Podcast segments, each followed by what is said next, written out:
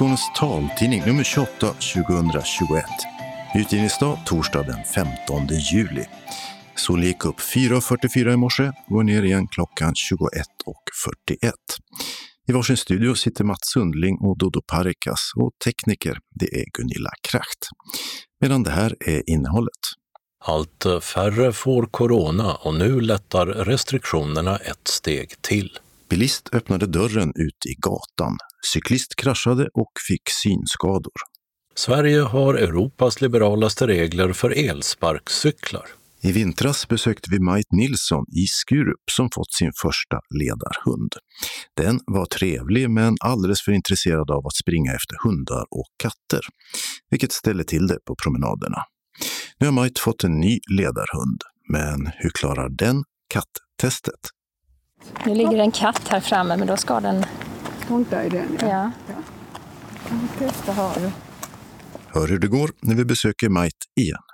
Talboksinläsningar ska inte vara alltför dramatiserande eftersom det kan störa läsarens upplevelse av texten, men kan inläsningen istället bli alltför slätstruken.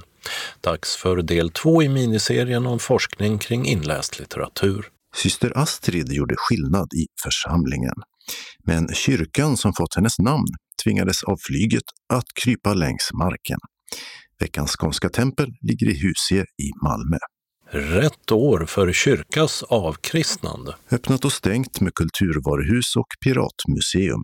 Evenemangstips med blueskväll och byateater. Kalendern med krylbosmäll och synskadeschack. Anslagstavlan är idag gemensam för hela Skåne med ändringar i kollektivtrafiken. Allra sist redaktionsrutan. Men vi börjar med coronaläget som såg ut så här när vi gick in i studion i tisdags. Smittspridningen är nere på låga nivåer. Den senaste veckan har i snitt 25 nya fall om dagen rapporterats i Skåne. Det är mindre än hälften än för bara ett par veckor sedan och lägre än i Sverige som helhet. Och de flesta smittade är i åldersgruppen 20 till 29 år. Sju personer är nu inlagda på sjukhus med covid. Också det är ungefär hälften så många som för två veckor sedan. Men ökat resande och festande innebär förstås en risk för ökad smittspridning igen. I veckan kom Folkhälsomyndigheten också med ett krav på att alla som reser in i Sverige från ett land utanför Norden ska göra ett så kallat PCR-test vid ankomst. Glädjande nog har inga nya dödsfall rapporterats i Skåne sedan den 27 juni. I tisdags hade 713 000 skåningar, alltså nästan två av tre av alla vuxna, fått sin första dos vaccin. Och knappt 470 000 av dem, eller nästan 43 procent av de vuxna, är nu färdigvaccinerade. Bland de som är över 65 år är snart 90 procent fullvaccinerade. Något som redan märks på antalet pensionärer som numera är ute och rör sig på stan. Vaccineringarna fortsätter neråt i åldersgrupperna. I förra veckan kunde alla som fyllt 18 år börja boka en tid för en dos. Och fyllt 18, det måste man. Det räcker inte med att fylla 18 senare i år, än så länge. Folkhälsomyndigheten har ju beslutat att också 16 och 17-åringar kommer att kunna få vaccin. Och som tidigare kan man boka via 1177.se som har länkar till vaccinatörer att välja bland. Många, men inte alla, runt om i Skåne hade lediga tider i början av veckan.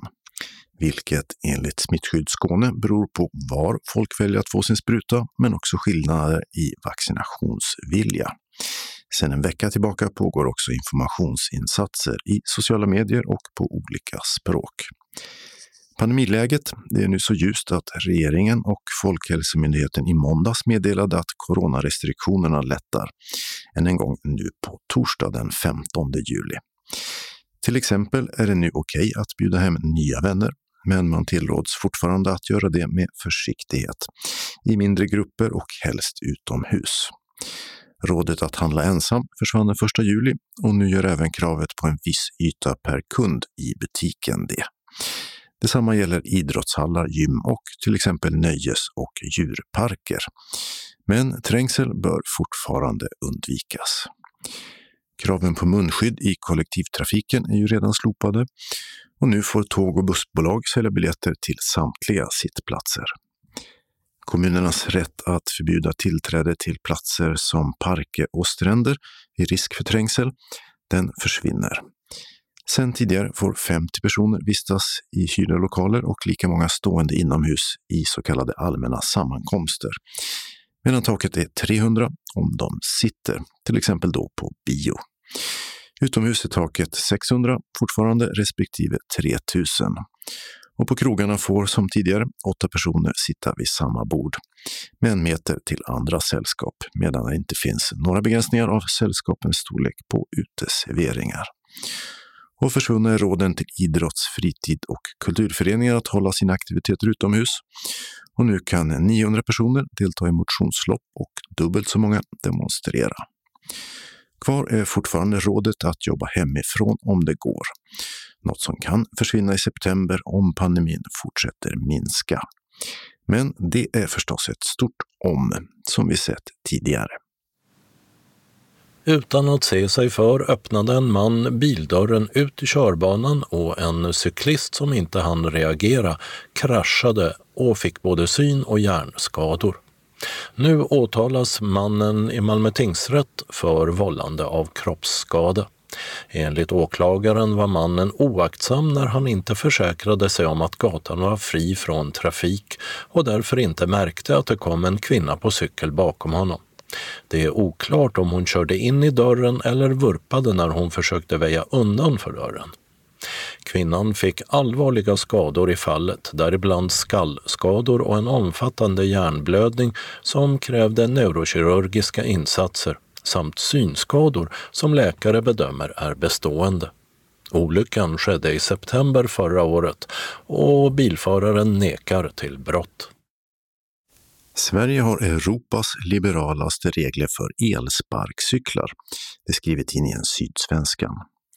Sverige saknar, till skillnad från andra länder, lagar om åldersgräns, förbud mot att köra på trottoarer, fartdämpning i stadskärnorna eller restriktioner för körning nattetid, enligt en rapport från det europeiska trafiksäkerhetsinstitutet FERSI som tidningen har läst. I Sverige är det istället upp till kommuner och sparkcykeluthyrare att sätta upp regler. Och de ser mycket olika ut och förbuden de är få. Storbritannien har gått allra längst och totalförbjudit elsparkcyklarna. Medan Frankrike och Tyskland till exempel kräver ansvarsförsäkring av förarna. Något som gör det lättare för påkörda fotgängare att kräva ersättning. En rapport från den svenska transportstyrelsen, taltidningen berättat om tidigare, var i princip positiv till sparkcyklarna, men föreslog ett nationellt förbud mot att köra på trottoarer. En regeländring som kan bli verklighet i höst. I november förra året besökte vi Mait Nilsson i Skurup som efter lång väntan fått sin första ledarhund, Nala. En tillgiven hjälpsam labrador, men som var väldigt intresserad av både andra hundar och framförallt katter. Något som gjorde Mike Nilsson mycket otrygg när hon var ute med hunden. Nu har det gått ett drygt halvår och när vi på nytt besöker Mike Nilsson är det ett annat skall vi hör när vi ringer på.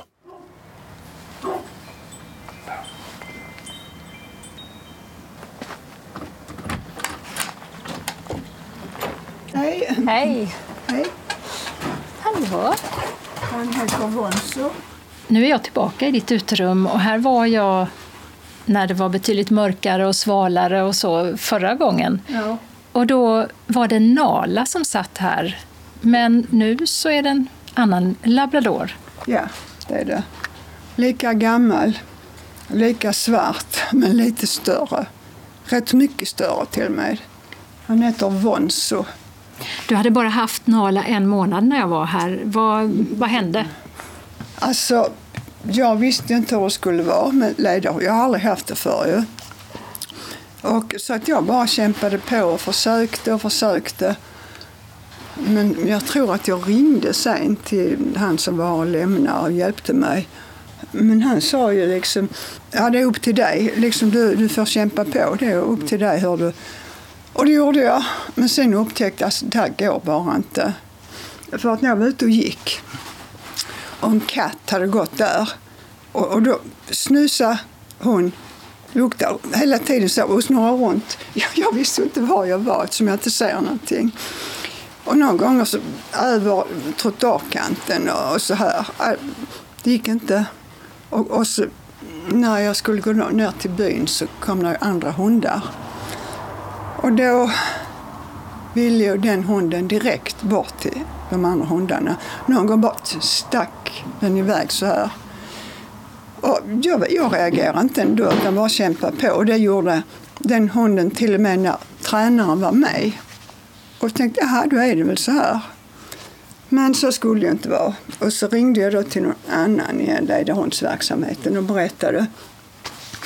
Och då kom det någon hit som gick, var den lilla hunden, gick bak efter mig och lyssnade och tittade och sa nej, det här går inte. Det är mer en belastning än en hjälp för dig. Och det var det ju. Och eh, såg ju att den inte fungerade som den skulle som en ledarhund. Vad hände sen när de hade varit härifrån ledarhundsverksamheten och följt med och sett hur det funkade? Hon skulle diskutera med någon annan.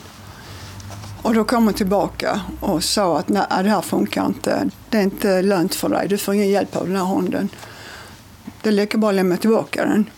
Och frågan vill du göra det nu eller ska vi vänta? Nej, ska jag inte ha den kan jag lika bra ta den direkt. Och det gjorde hon ju. Man känner ändå lite för hunden, även om inte den fungerar. Det är klart att man gör. Det blir ju en familjemedlem. Men eh, så fick jag vänta ytterligare tills de hade hittat en annan hund. Och det fick jag den här i början på maj. Så jag har inte haft Vonso så länge heller. Men hur är skillnaden? Och det är en enorm skillnad. Jag, jag kan sätta mig där och lyssna på TV, så gör jag man ju inte. Och då kommer han direkt, lägger sig framför mig eller sätter sig bredvid. Och när du är ute och går, vågar du lita på Vonso? Ja, kanske inte till hundra procent ännu. I och med att hon sa att det blir bättre och bättre efterhand. Någon gång har jag kommit ut på vägen, ska jag erkänna. Men det kan ju delvis vara mitt fel att jag håller lite fel eller så, för han är så otroligt känslig i sina rörelser. Han ska hjälpa mig och, och tänka, har han stannat? Eller det är lite till? Mm. alltså försiktigt, försiktigt, än så stannar han liksom. Visst, han markerar en trottoarkant, visst gör han det. Men det är så väldigt försiktigt. Och då får jag känna med käppen att kanten är där. Men du kan lita på att han inte börjar jaga andra hundar eller katter? Ja, det kan jag. Helt och hållet. Det har jag märkt. Det kan ha varit andra katter och han har till och med nosat på grannens hund. De var nära varandra och nosade så här. Så, så det kan jag. Det litar jag på att han inte jagar katter. Jag vet inte om den andra inte var färdigutbildad eller någonting. Jag vet inte. Ledsamt var det i alla fall, både för han som kom och lämnade och för hunden och för mig. Fick du göra om hela den här utbildningen då med den nya hunden eller? Ja, men det är ju samma kommando nu som man har. Det var ju en ung tjej som kom och lämnade honom. Och det var likadant som förra gången. Hon stannade ju de första veckan nästan. Men hon var så väldigt noggrann. Så där har jag tränat in två rundor.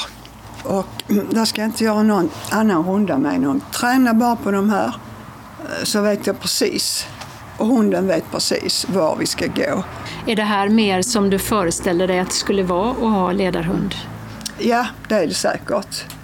För att det är en väldig skillnad på den här och den andra hunden. Ska vi gå ut och, och eh, ta en promenad? Ja, kan vi göra. Nu ska vi gå ut. Det står ju där redan. Duktig. Duktig hon så. I selen. Han bara står helt snällt där och väntar. Det är ganska starkt ljus va? Ja, det är sol. Då stänger jag här. Ja. Kom så, sök trappa. Sök trappa. Åh, du är duktig. Ja, varsågod. Det ska jag snart vänja honom av med, att han ska få varje gång. Han ska bara få en klapp. Han ska kunna nöja sig med det. Vad är det han får? Jag tog bara en bit hundfoder. Men jag har ju även såna här leversnittar, lite hundgodis. Så att säga. Så, Monster. Då tar vi vänster före.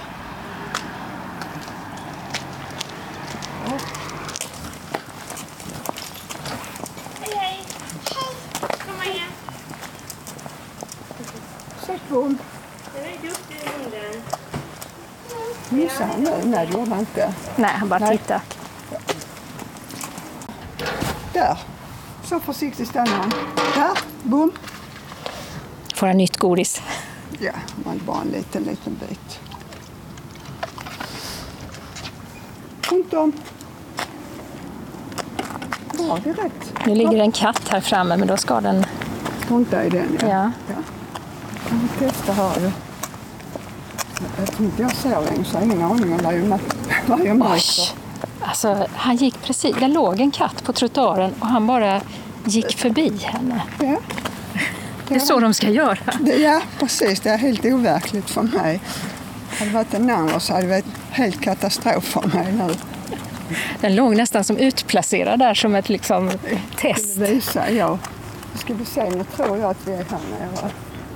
Det är vi också. Hur är det att ha ledarhund när det funkar så här? Ja, det är fantastiskt. Det är, det, det är jättefantastiskt. Jag är så glad för honom. Men det är nästan för varmt för en hund mitt på dagen. Det är 28 grader så det Ja. är liksom... Ja, det är det. Jag brukar inte gå någon längre runda förrän på kvällen eller på morgonen. Och så håll kant. Ja, bra.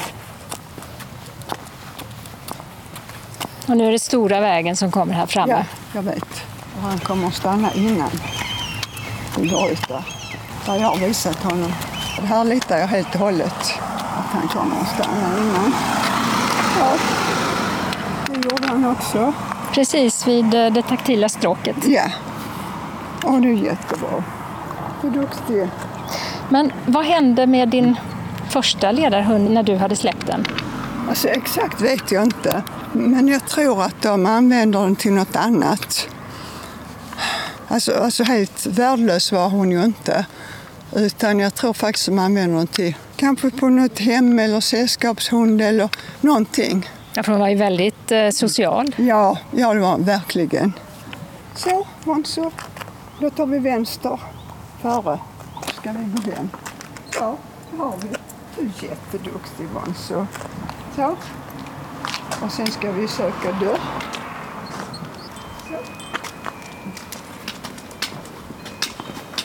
Det här lilla vindspelet som du har där, är det för att du själv ska höra var du är? Ja, precis det är det. Men när du i backspegeln ser på det här att få en ledarhund, är det värt det? Ja, visst är det värt det. Absolut, det blir som en familjemedlem också. ju. Jo, jag tycker det är, det är värt det. Och min syn blir inte bättre. Nu kan jag kanske skymta lite ljus, men jag vet att det ögat också kommer att bli becksvart. Att jag inte ser någonting. Då är jag otroligt beroende av honom. Då kan jag ju inte gå ut själv med käppen. Många kan det kanske, men jag, jag har väldigt svårt för det. Så det ökar din eh, frihet? Ja, absolut så gör det det. Och där, framför dörren eh, till eh, sitt enplanshus i Skurup lämnar vi Majt Nilsson och hennes nya ledarhund Vonso. Reportaget var gjort av Åsa Kjellman Erisi. Så ska vi återvända till Cecilia Björkén Nybergs forskning kring inläst litteratur, som vi berättade om i förra veckans taltidning. Inläsare av talböcker ska undvika överdriven dramatisering eftersom det kan störa läsarens upplevelse av texten. Men riskerar inläsningen då att bli alltför slätstruken eller till och med svårare att förstå? Eller kan det gå åt andra hållet så att de mycket mer dramatiserade ljudböckernas stora popularitet också kommer att påverka talboksinläsningarna? I talboken så lägger man oftast en väldigt jämn satsmelodi och det innebär att man kanske inte avgränsar fraser på samma sätt som, som en skolad skådespelare gör. Och det har viss betydelse eftersom rent kognitivt när vi tar in det här så kan det vara lättare att ta till sig texten då och förstå om tolkaren, uttolkaren så att säga hjälper lyssnaren att avskilja fraser som hör ihop. Och det är ju då lite intressant eftersom talboken ska vara så tydlig. Och då menar jag att det här kan i vissa fall bli mer otydligt, även om tanken är att det ska bli tydligt att man betonar så att säga varje ord lika mycket. Eh, normalt sett så nästan kanske man droppar vissa ord som man gör när man pratar. Tydligheten gör det för jämntjockt och historien förlorar på det. Ja, man brukar ju säga att ljudboken är väldigt tolkande och att det är då en speciell tolkning men att talboken är ganska neutral. Och då menar jag att just i det här fallet så kan det vara som så att talboken inte blir tydliga och att det faktiskt också kan bli en slags tolkning om, om man betonar varje ord. Till exempel om man vill få upp tempot i någonting. Man kan ju vilja variera tempot så att vissa saker framstår mer tydligt och vissa saker kanske man drar över lite snabbare. Men om man då hela tiden betonar allting lika mycket då kan det vara lite svårt för lyssnaren att rent kognitivt liksom eh, urskilja vad är det jag ska ta in, vilka val ska jag göra? Och där kan då uppläsaren hjälpa till att göra den första så att säga, gallringen. Och gör man inte det så, så måste man arbeta ganska mycket själv för att urskilja man hör ljuden, men det är inte säkert att man förstår betydelsen på samma tydliga sätt. Ja, det här kan visserligen sägas gälla talboksinläsningar som sådana, som ska vara neutrala och icke-tolkande, som Cecilia Björkén Nyberg säger. Men i sin forskning har hon bara tittat på tre in eller uppläsningar av samma text. Dels två ljudböcker, dels en talbok. Jag har tittat på de här tre för att jämföra hur man då tolkar, hur tolkning och tydlighet förhåller sig till varandra. Att de inte nödvändigtvis är, eh, det finns en motsättning mellan dem, att tolkning så att säga är mindre tydlig och en icke-tolkande, vad nu det är för någonting, är mer tydlig. Men det är svårt att säga generellt, alla inläsare och alla uppläsare man brukar använda inläsare för talböcker och uppläsare för ljudböcker. De är ju personligheter, individer och läser på olika sätt. Men å andra sidan så har man ju att följa som inläsare MTMs riktlinjer där det ju uttalat står att man inte ska dramatisera och ha en ganska saklig inläsning. Så det är mot bakgrund av det. Men jag vill inte generalisera för mycket. Sen kan man ju då fråga sig hur med den otroliga popularitet som ljudboken har nu, om det kanske spiller över på talboken och att man i större utsträckning börjar kanske att ägna sig åt det då som man kallar då för tolkande, det vill säga att man dramatiserar lite mer och att det kan vara en hjälp för lyssnaren. Det är ju intressant att följa den utvecklingen och se om det spiller över på talboken. Många synskadade talboksläsare säger att de inte vill ha dramatiserade inläsningar och den inställningen möter Cecilia Björkén Nyberg också i en talbokscirkel vars träffar hon följer sedan lång tid tillbaka. Och eh, där har jag väldigt starkt känt och också deltagarna har sagt att de vill absolut inte ha den här dramatiseringen. Och det tror jag beror på att väldigt många känner kanske en, nästan som en sorg att de inte kan läsa en tryckt bok och de vill då att det de får lyssna på det är så likt så att de verkligen kan se texten framför sig. Och det, det är verkligen ett intryck som jag har. Att, ehm, för vi har testat ibland att ha en ljudbok och då väljer just de här, nej nej nej, det var alldeles för dramatiserande och, och så. Vi vill bara höra texten och utan tolkning. Sen tycker jag att man kan fråga sig, är det så att man har vant sig vid det sättet att lyssna? Och sen finns det ju grader av dramatisering och det där är ju, kan ju vara väldigt subtilt medan andra, det finns ju ljudböcker som är så tycker jag personligen jobbiga att lyssna på för att de är så långt från texten att man liksom förlorar känslan av att det är en bok. Så att det finns ju grader av det här och där tror jag att en väldigt skicklig inläsare känner det nästan intuitivt, precis som en musiker, hur man ska lägga rösten så att man får fram både tolkning och tydlighet på samma gång. Och det brukar man ju säga just om musiker, att riktigt skickliga musiker kan både förhålla sig till kompositören och låta honom eller henne träda fram, men också interpretatören. Och det är ju lite samma sak här, det handlar om ljud och tolkning och så. Så jag tror absolut att det spelar roll att man inte kan, oftast, man kan inte läsa, man är hänvisad åt det här och då så vill man kanske att det ska vara som att man själv läser helt enkelt. Men har ni diskuterat i cirkeln också det här som du säger att om det blir för jämntjockt att man då tappar en del av möjligheten att ta till sig innehållet? Det har nog mest varit faktiskt eh, röstens egenskaper. Om någon har haft en röst som man tycker inte passar alls för en viss eh, typ. Det är ju också så att ålder är en, en viktig aspekt och om det är någon Eh, för gammal röst eller för ung röst eller att den är arg eller på något vis inte stämmer överens med det intryck de har av karaktären. Som att den kan vara för ung eller för gammal i, i förhållande till den röst som gestaltar. Eller temperamentsmässigt, att det kan vara någon som låter för kylig och kall när det är en väldigt varm karaktär de berättar. Så det kan vara sådana saker. Men jag upplever ändå att i den talbokscirkeln så så talar vi väldigt mycket om innehållet och att det faktiskt blir så att rösten bara blir som MTM då vill. Det bara förmedlar och att man inte tänker på rösten så väldigt mycket för det mesta. Men har då talbokscirkeldeltagarna preferenser? Vissa inläsare, manliga respektive kvinnliga röster och så vidare. Läsare brukar, åh ja det är hon och ja det är han och jag gillar den jättemycket, den rösten och sådär.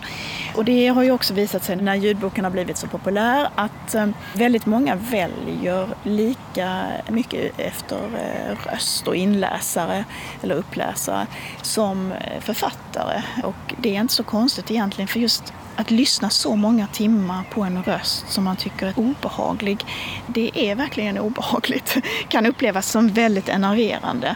Och ljudet är ju någonting som slår oss så omedelbart att det är svårt att stänga ute. Eh, man kan liksom inte blunda med öronen. Cecilia Björkén Nybergs forskning handlar om röstens betydelseskapande potential och att titta på hur betoning och intonation påverkar det vi tar till oss när vi lyssnar, läser, är en kugge i det hon intresserar sig för. Eh, jag har eh, skrivit en hel del och forskat kring just ljudböcker och där tittar jag också på, eh, det kan vara skönlitteratur som kan vara väldigt svårtillgänglig, kanske modernistisk litteratur där det är väldigt långa meningar och det är svårt att avgöra vem som säger vad. Där har det visat sig, och där har jag också lyft upp sådana saker, att det kan underlätta om man kan lyssna. Då kan man lättare eh, avgöra vem är det nu som talar, vad är det nu som händer och så. Så det är väl mest det jag har tittat på. Men eh, visst, det finns ju hur mycket som helst att göra. Till exempel hur texten är skriven när det gäller interpunktion, till exempel om det är frågetecken, utropstecken. Det har jag tittat på just i den här studien. Om man gör skillnad, till exempel om det är en fråga eller ett utrop, går man upp en fråga eller det kan också ha väldigt stor betydelse. Hur tolkar man kursiverad text, eh, fetstil, sådana saker? Finns det en överensstämmelse mellan det visuella och det ljudmässiga där? De valen som man gör när man läser in en talbok. Det sa Cecilia Björkén Nyberg, docent i engelska med litteraturvetenskaplig inriktning vid Högskolan i Halmstad. Hennes forskning kring röstens betydelseskapande potential har bland annat presenterats i en nyutkommen antologi kallad Från Strindberg till Storytel. Korskopplingar mellan ljud och litteratur. Reporter i Lunds botaniska trädgård, där intervjun spelades in, var Dodo Parikas. På 1930-talet så började Astrid Sundgren arbeta som församlingssyster i Husie i Malmö och det gjorde hon ända fram till 1972. Hon samlade in mat till fattiga, ledde scoutkåren, la om sår och var verksam i kyrkliga syföreningen. Engagemanget för Husie ledde till att hon nu inte bara fått en gata uppkallad efter sig utan även en kyrka. Syster Astrids kyrka är veckans skånska tempel som inryms i Husie församlingshem, där också syster Astrid bodde under slutet av sin tjänstgöringstid. Bostaden är nu en del av församlingshemmets expedition där en vägg täcks av porträtt. Församlingens nuvarande diakon, Sara Eriksson, pekar ut syster Astrid. Ja, det man ser på korten och det jag också fått förklarat för mig det är att hon har en väldigt framträdande näsa och en eh, tydlig profil i haka. Så. Kort hår, permanentat är det väl. Ehm, jag tycker att det ser ut som att hon har en mörk hårfärg även om det börjar gå åt det gråa. Och sådana här stora glasögon ser man ju på det nedre fotot där, då som, där hon sitter i kyrksalen. Och hon som församlingssyster var nog ålagd att bära den dräkten vi ser på båda fotografierna. En svart dräkt med vit krage och så har hon ett smycke eh, med ett kors. Och hon har alltså inte diakonemblemet utan hon har ett smycke. Och så har hon någon form av vit hetta, mindre vit hetta. Ser också lite annorlunda ut jämfört med den som diakonisserna hade. Ja, ett stort leende skulle jag vilja säga att hon har vid de här tillfällena på, på korten. Och hon var alltså församlingssyster. Vad, vad innebar det? Man såg mycket fattigdom ute på landsbygden. Och diakonisserna verkade ju då i städer kring moderhusen. Och då gjorde man en kortare utbildning för församlingssystrar på ett år. Och så skickade man ut dem på landsbygden. Så var de knutna till en församling då. Och de var dåtidens föregångare, pionjärer till distriktssjuksköterskor. Och någon gång på 40-talet, 44-45 där någonstans, så tar samhället över denna funktion och man gör, ehm, utbildar distriktssjuksköterskor. Men det var församlingssystrarna som var pionjärer i detta. Så en enkel ehm, sjukvårdsutbildning motsvarande undersköterska idag, kanske, där någonstans. Var behovet särskilt stort här i, i Husie? Idag känns ju det som en välmående, välbärgad stadsdel.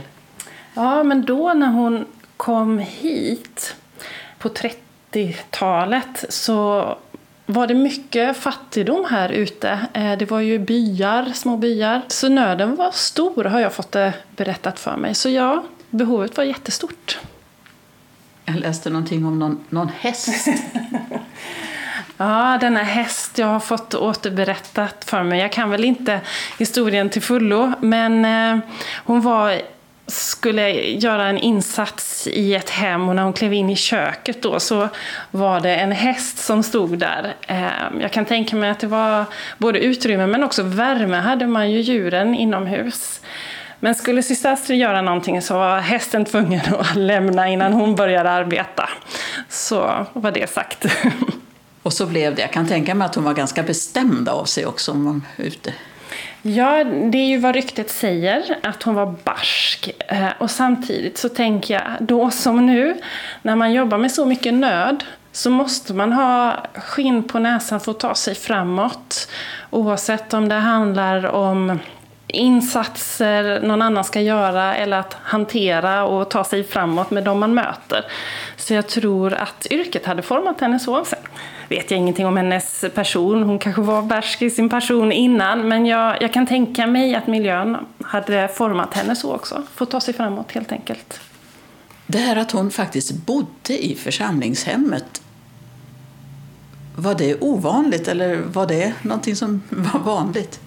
Ja, hon började ju inte med att bo här. Nej, då fanns ju inte församlingshemmet. Nej, precis. Utan församlingshemmet kom ju till 65-66 och innan dess så bodde hon ju i en egen lägenhet.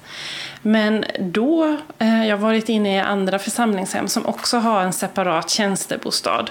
Så ja, det var vanligt att man som diakonissa bodde i församlingshemmet eh, och hade det som en tjänstebostad det var det.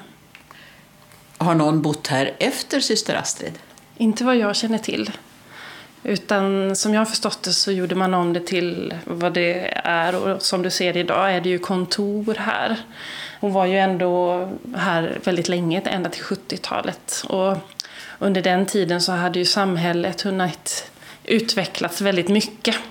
Varför blev kyrkan uppkallad efter syster Astrid? Det är rätt ovanligt vad jag förstår, en sån namngivning.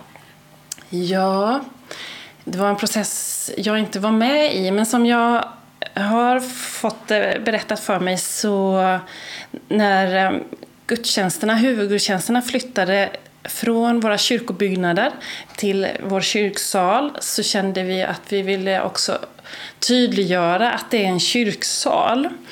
Och då eh, var det verksamhetsrådet som eh, ville att man kom in med namn och då var syster Astrid ett av förslagen. Och så nöttes det och blöttes det och syster Astrid var ju en eh, känd profil här. Så att, ja, många bäckar små gjorde att man till slut valde detta. Hur själva resonemanget eller vad man valde mellan, det vet jag inte. Men det var en församlingsbo som kom in med det förslaget och det vann över de andra alternativen. Ja, för hon gjorde ju väldigt mycket annat här i huset också, vad jag förstått. Scouter och söndagsskola och allt. Ja, men precis. Och syförening och husmorsförening och, och många saker. Och det är ju så um, församlingssyster, diakonissetjänster eller diakontjänsterna ser ut idag. Och då också att kontexten bestämmer vad man behövs helt enkelt. Och man jobbar ju med nöd, men man jobbar också med undervisning och ledarskap och omsorg och olika delar. Så vi står nu både i Syster Astrids kyrka och hus i församlingshem? Ja, egentligen den här delen är ju bara eh, församlingshem, kontor och här var ju hennes tjänsterum, där hon, eh, mottagning, medan på andra sidan väggen var där hon bodde. Så kyrksalen är ju en trappa ner, så dit kan vi gå nu.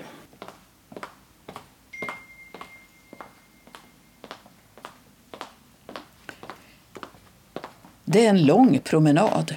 Det tar över en minut att gå från expeditionen i markplan och ner i soterrängvåningen som ger kyrksalen högre höjd än kontorsdelen.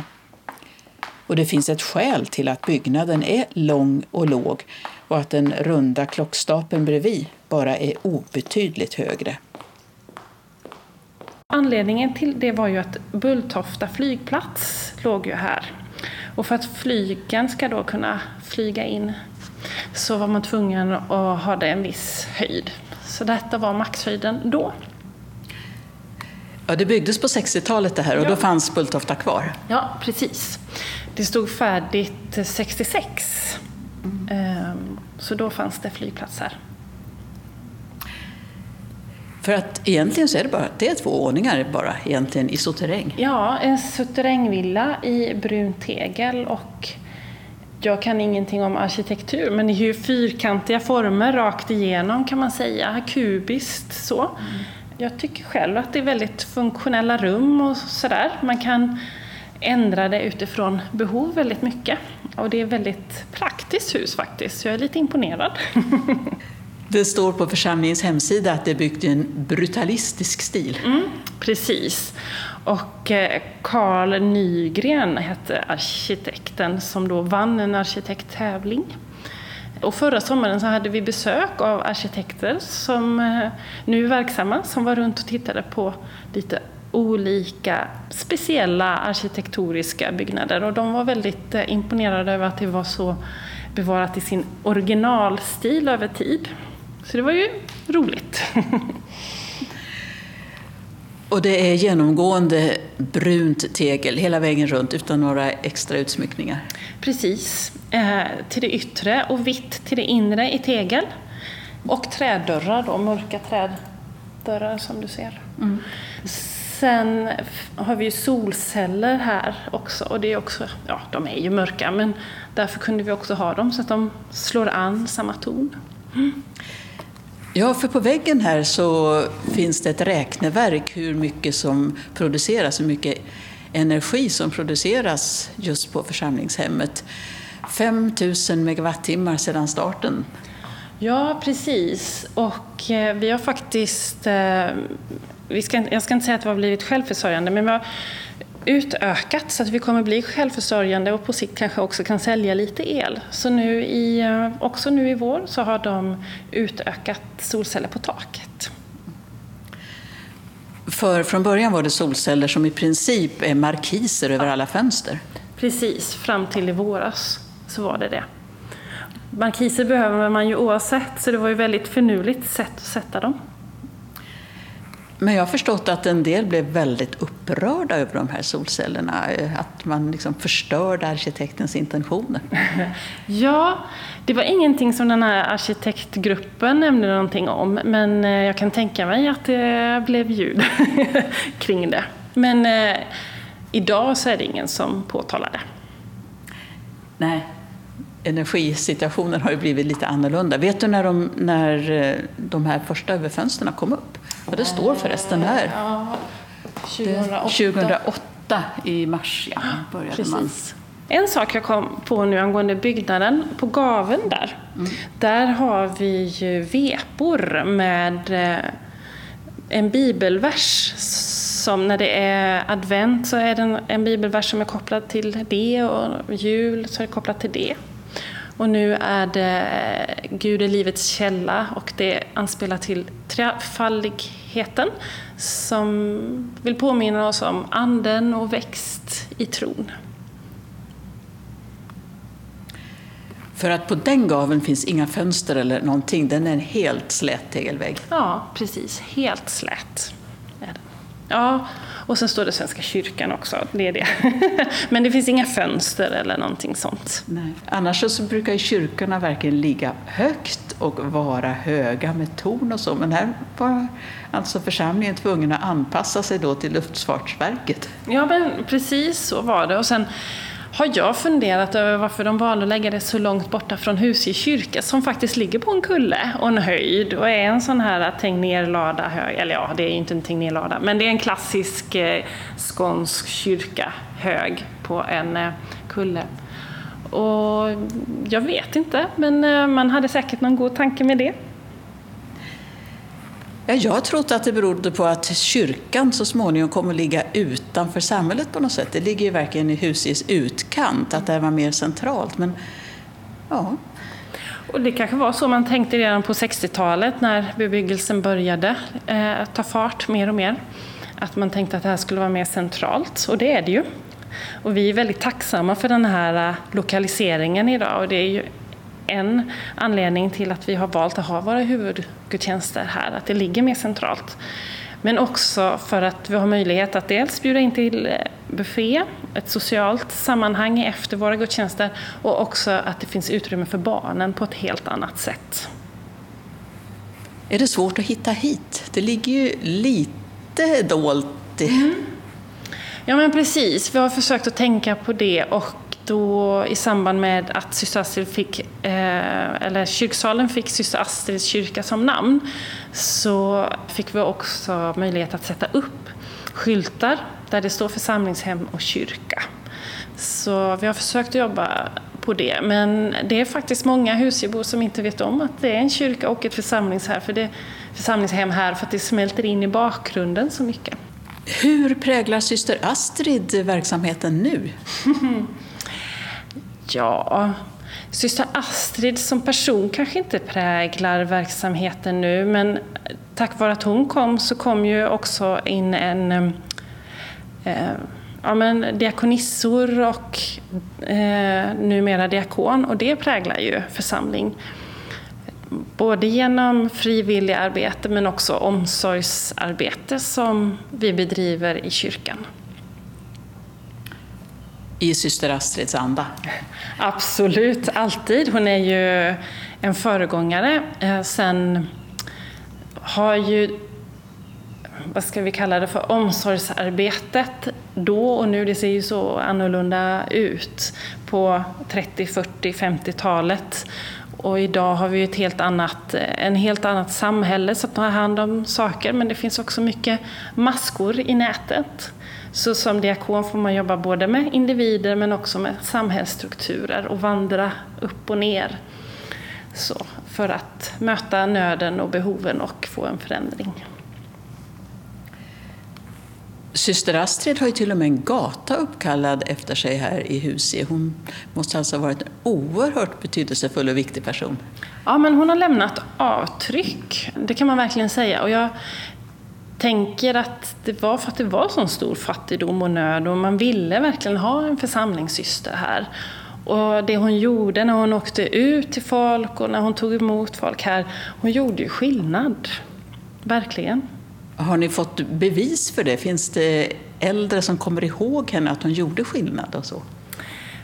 Ja, alltså i samband med namnbytet eller namngivningen, eh, då kyrksalen fick syster Astrid, namnet nyss syster Astrids kyrka, så pratade jag ju runt med många. Och då var det ja, men ett exempel att, att eh, syster Astrid hade tagit sig tid att dricka en kopp kaffe på juldagen med ett par församlingsbor. De hade, de hade ingen att fira jul med, men hon tog sig tid och hon satt där och drack en enkel kopp kaffe.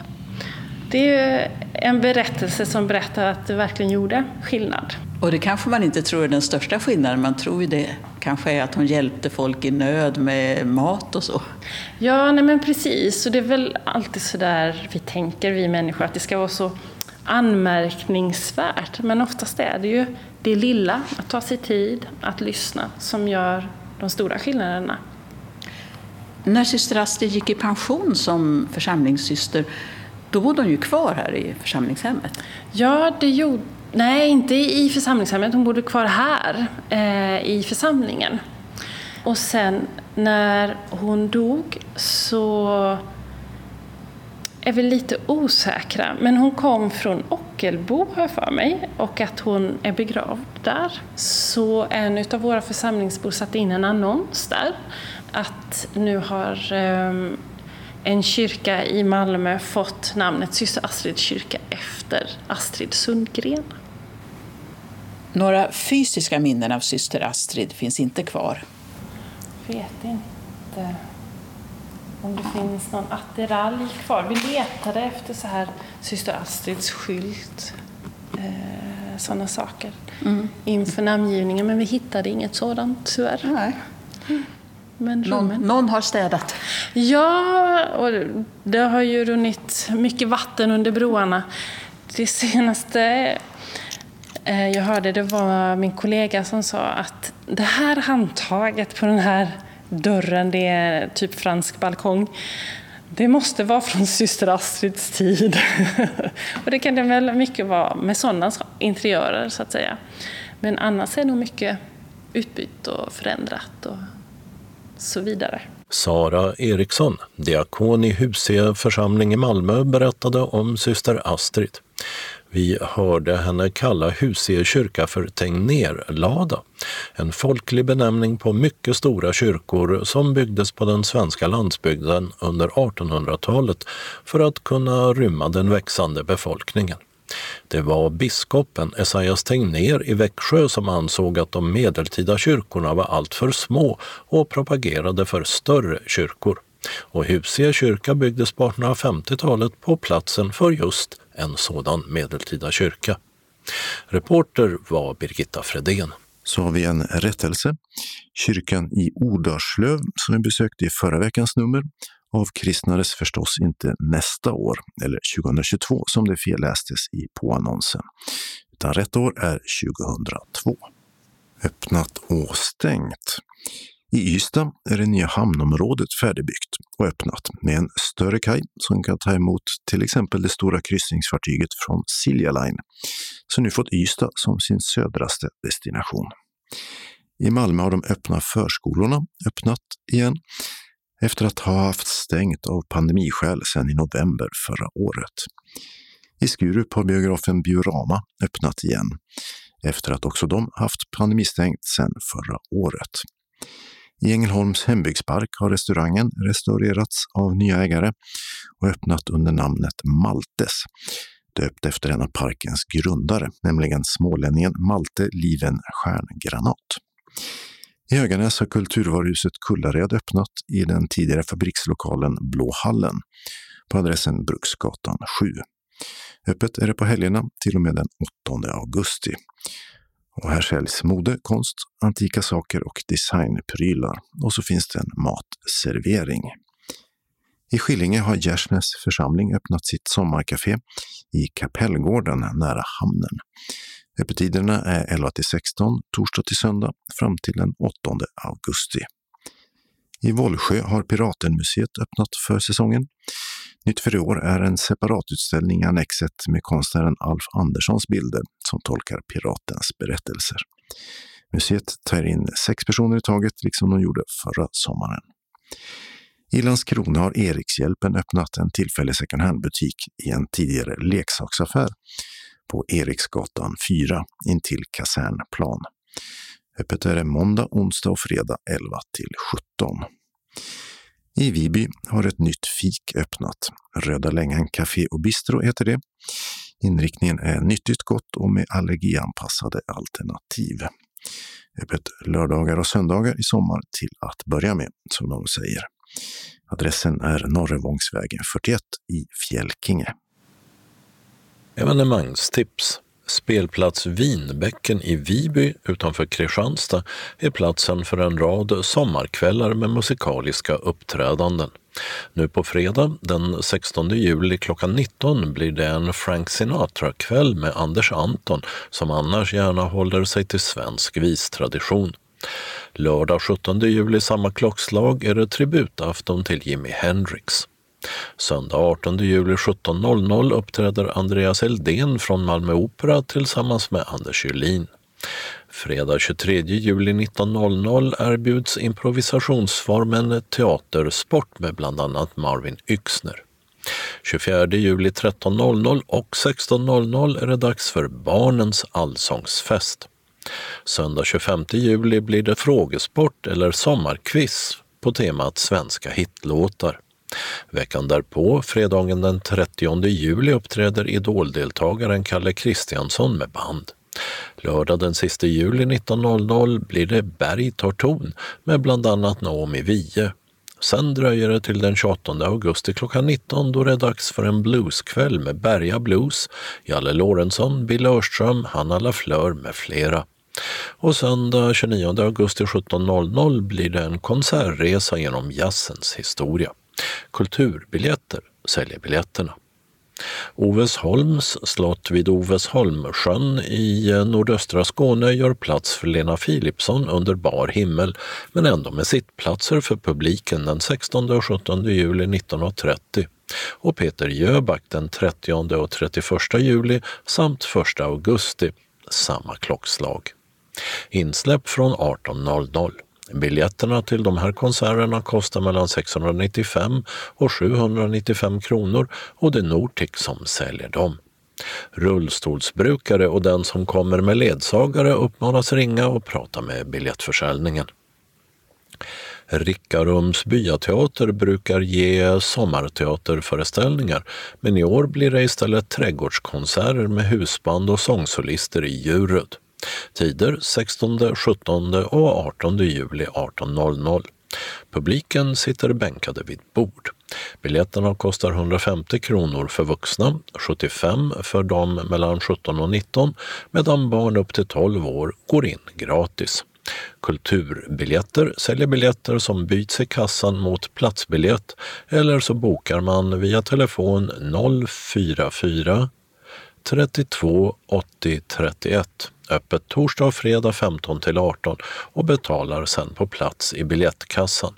Adressen är Djuröds byväg 115. Vid klosterruinen i Åhus anordnas viskvällar några söndagar i juli och augusti. Anders Anton uppträder 18 juli, Vera Kronbäck 1 och 15 augusti samt Tindra och Albin den 8 augusti. Tiden 18 till 20. Adressen Köparnagatan 39 och telefonnumret 0708 65 43 04. Förköp sker på plats på Klosterbageriet och för 299 kronor får man biljett, räkmacka och en öl eller ett glas vin.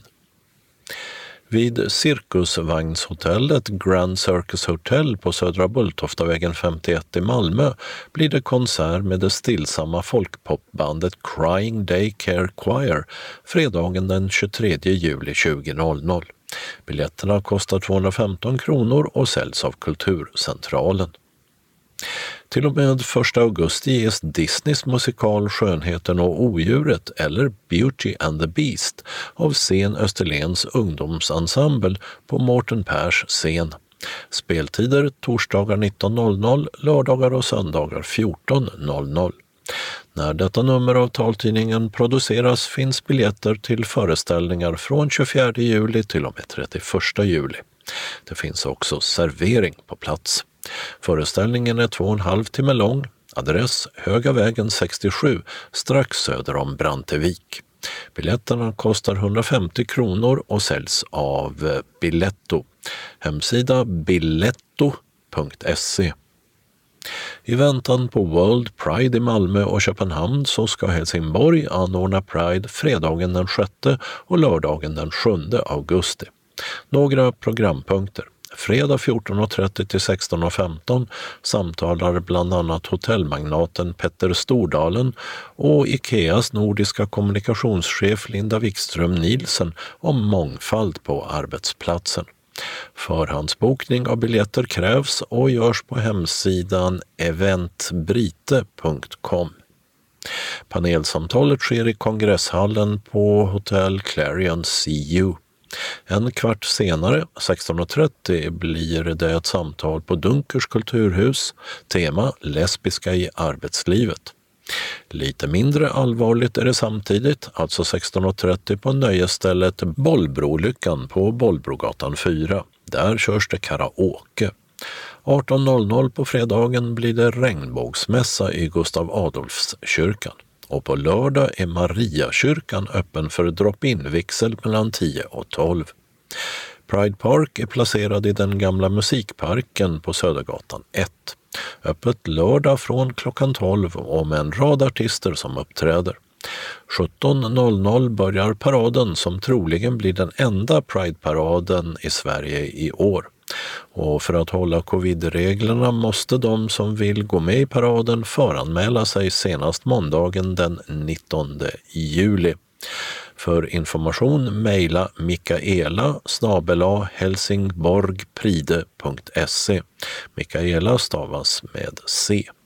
Prides huvudtalare ska tala i parken 18.00 och kommer från Skopje i Nordmakedonien, ett land där pridefirande är betydligt svårare att genomföra än här hemma. 19.00 uppträder så kulttjejerna The Weather Girls. Pildammsteatern i Malmö är i sommar arena för konserter arrangerade av KB. Här ett urval. Anna Ternheim uppträder 11 augusti. Nisse Hellberg med band 12 augusti. Danske Torbjörn Risager and the Black Tornado samt Andy Almqvist med band konserterar fredagen den 13 augusti. Fricky 14 augusti.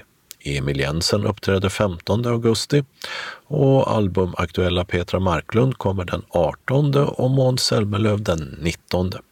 Biljetterna kostar 395 kronor för Risaea och Fricky, 445 kronor för de övriga konserterna. Biljetterna säljs via Kulturbolagets hemsida som länkar vidare till Eventim.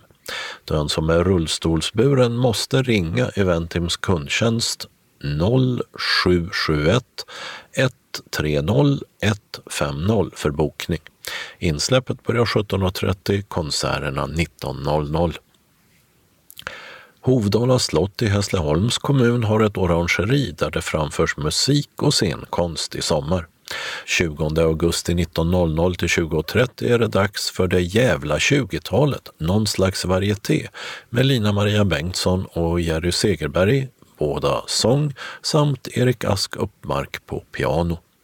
Och den 27 augusti, samma klockslag, bjuder medeltidsensemblen Falso Bordone på musik från pestens tid. Musicerande på tidstypiska instrument, sång och uppläsning ingår i programmet som utlovar mycket humor trots den drastiska titeln. Biljetterna som kostar 150 kronor per konsert bokas via Slottsbutiken. Telefon 0451 26 68 00. Biljettinformation. Kulturbiljetter 08 50 25 40 80. Nortic 0455 61 97 00. Kulturcentralen 040 10 30 20. Kulturbolaget KB, hemsida kulturbolaget.se. Eventim 0771 65 10 00. Kalendern för årets 29 vecka börjar måndagen den 19 juli som är namnsdag för Sara. 80 år tillbaka i tiden hördes en hiskelig smäll i Krylbo som ligger i Dalarna. Det var ett tyskt ammunitionståg som fattat eld och for i luften. Det ansågs att anledningen till Krylbosmällen, som den kom att kallas, kan ha varit brittiskt sabotage under pågående världskrig, men en utredning kom fram till att den istället kan ha berott på en olyckshändelse. Och än idag ligger dumpad ammunition från tåget kvar i botten av en älv och en sjö i trakten. I USA, som har många märkesdagar, är detta National Daiquiri Day.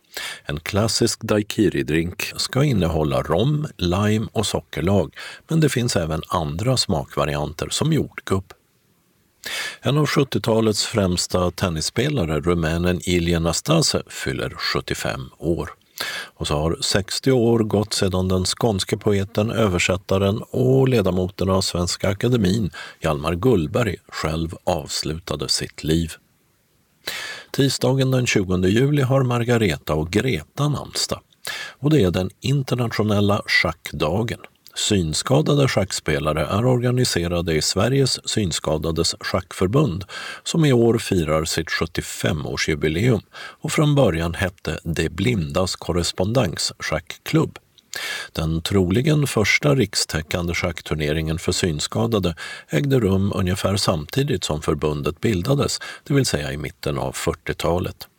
Sveriges synskadades schackförbunds ordförande sedan 15 år tillbaka är SRFs tidigare förbundsordförande Håkan Thomsson. Onsdagen den 21 juli har Johanna namnsdag. OS i Tokyo ska börja detta datum med de första tävlingarna men det blir inför folktomma läktare.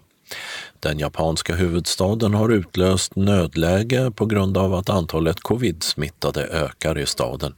Förutom publikstoppet gäller bland annat att idrottarna inte får röra sig fritt ute på stan. Även andra tävlingsorter har infört publikstopp. Enligt en opinionsundersökning vill 80 procent av japanerna att OS stoppas eller skjuts på framtiden ytterligare. Och så är det dags för ölets dag, instiftad för nio år sedan av den svenska bryggerinäringen. Torsdagen den 22 juli firar Magdalena och Madeleine namnsdag. Tio år har förflutit sedan terroristattentaten mot eh, socialdemokratiska ungdomar på den norska ön Utöja och mot regeringskvarteren i Oslo. 69 unga miste livet i det högerextremistiska dådet och mördaren Anders Bering Breivik dömdes till 21 års fängelse, vilket är lagens strängaste straff i Norge.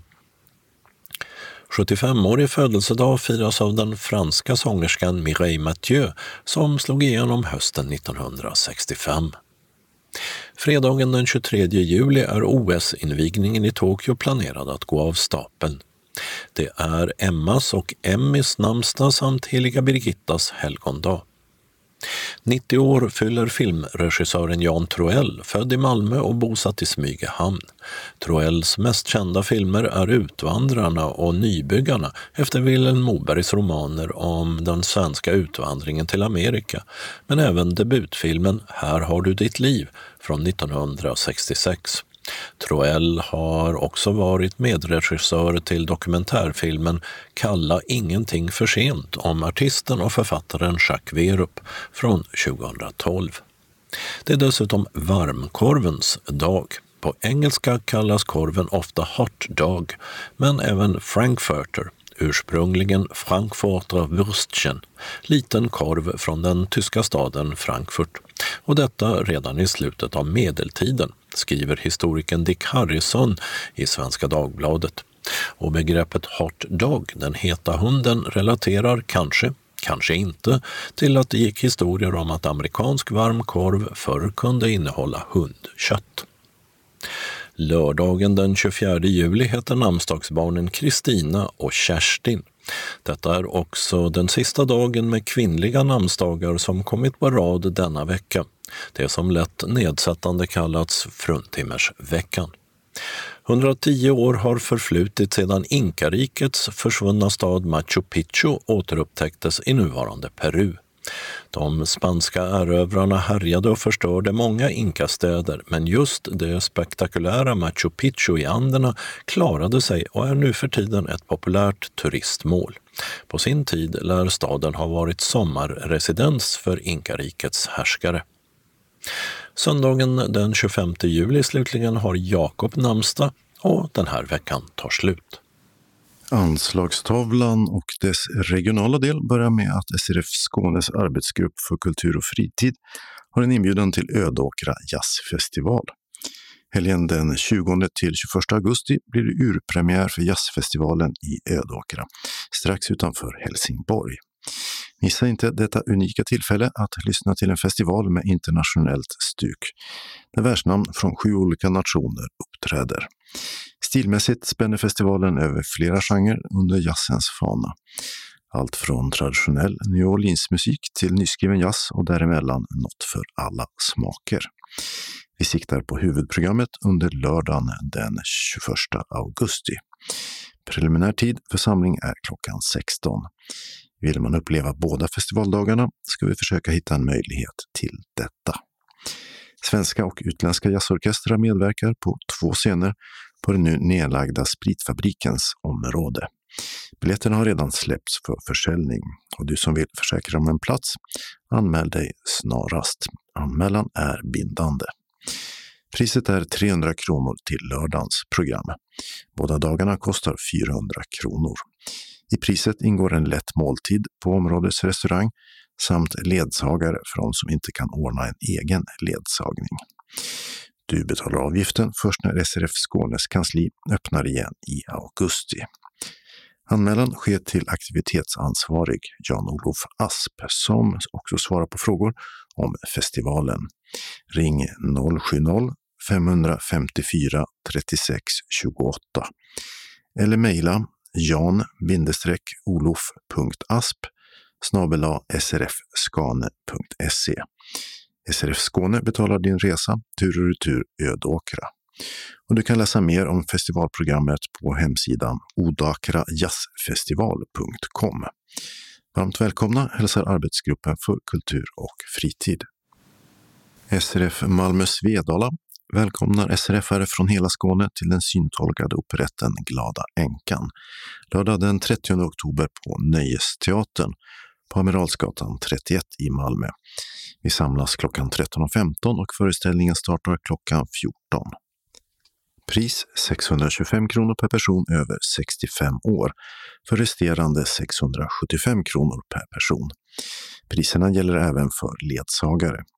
Betalning sker med inbetalningskort som skickas hem eller med swish till nummer 123 077 80 50. Glada änkan utspelar sig i 1900-talets början i det glada Paris. Den unga och nyblivna änkan Hanna Glavari, spelad av Frida Engström, har lämnat sitt hemland och lever ett lättsamt liv med beundrare från hela världen.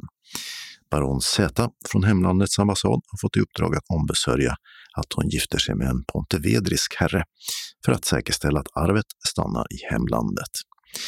Den mörke och vackre greve Danilo, spelad av Thomas Järvheden, är den som anses lämplig för uppdraget. Något han själv inte är lika förtjust i. Han spenderar gärna nätterna på Maxim i sällskap av nattklubbsägaren Emanuel, spelad av Lars-Åke Babsan Wilhelmsson. Danilo och Hanna upptäcker snart att de har något gemensamt. Och i rollen som den lättsamme och muntre Monsieur Lapidus ser vi Jan Malmsjö. Vi har förbokat ett begränsat antal biljetter. Anmäl dig till kansliet på 040 25 05 40 eller e-postadressen info srfmalmo.se senast fredag den 16 juli klockan 12. Berätta då om du behöver lur och eller ledsagning. Och om ni behöver komma i kontakt med någon så kan ni ringa Maj-Britt Ryman på 070 324 66 09. Hjärtligt välkomna önskar styrelsen. Den lokala delen av anslagstavlan börjar med att SRF Lundabygden bjuder in till en bussutflykt till Kiviks musteri den 18 september. När hösten gör sitt intåg så beger vi oss iväg på en kulinarisk resa med skånska smaker till Kiviks musteri. Där njuter vi av god dryck och mat i en vacker omgivning. Vi bjuds på en guidad promenad genom äppelodlingarna där vi får möjlighet att insupa nya kunskaper.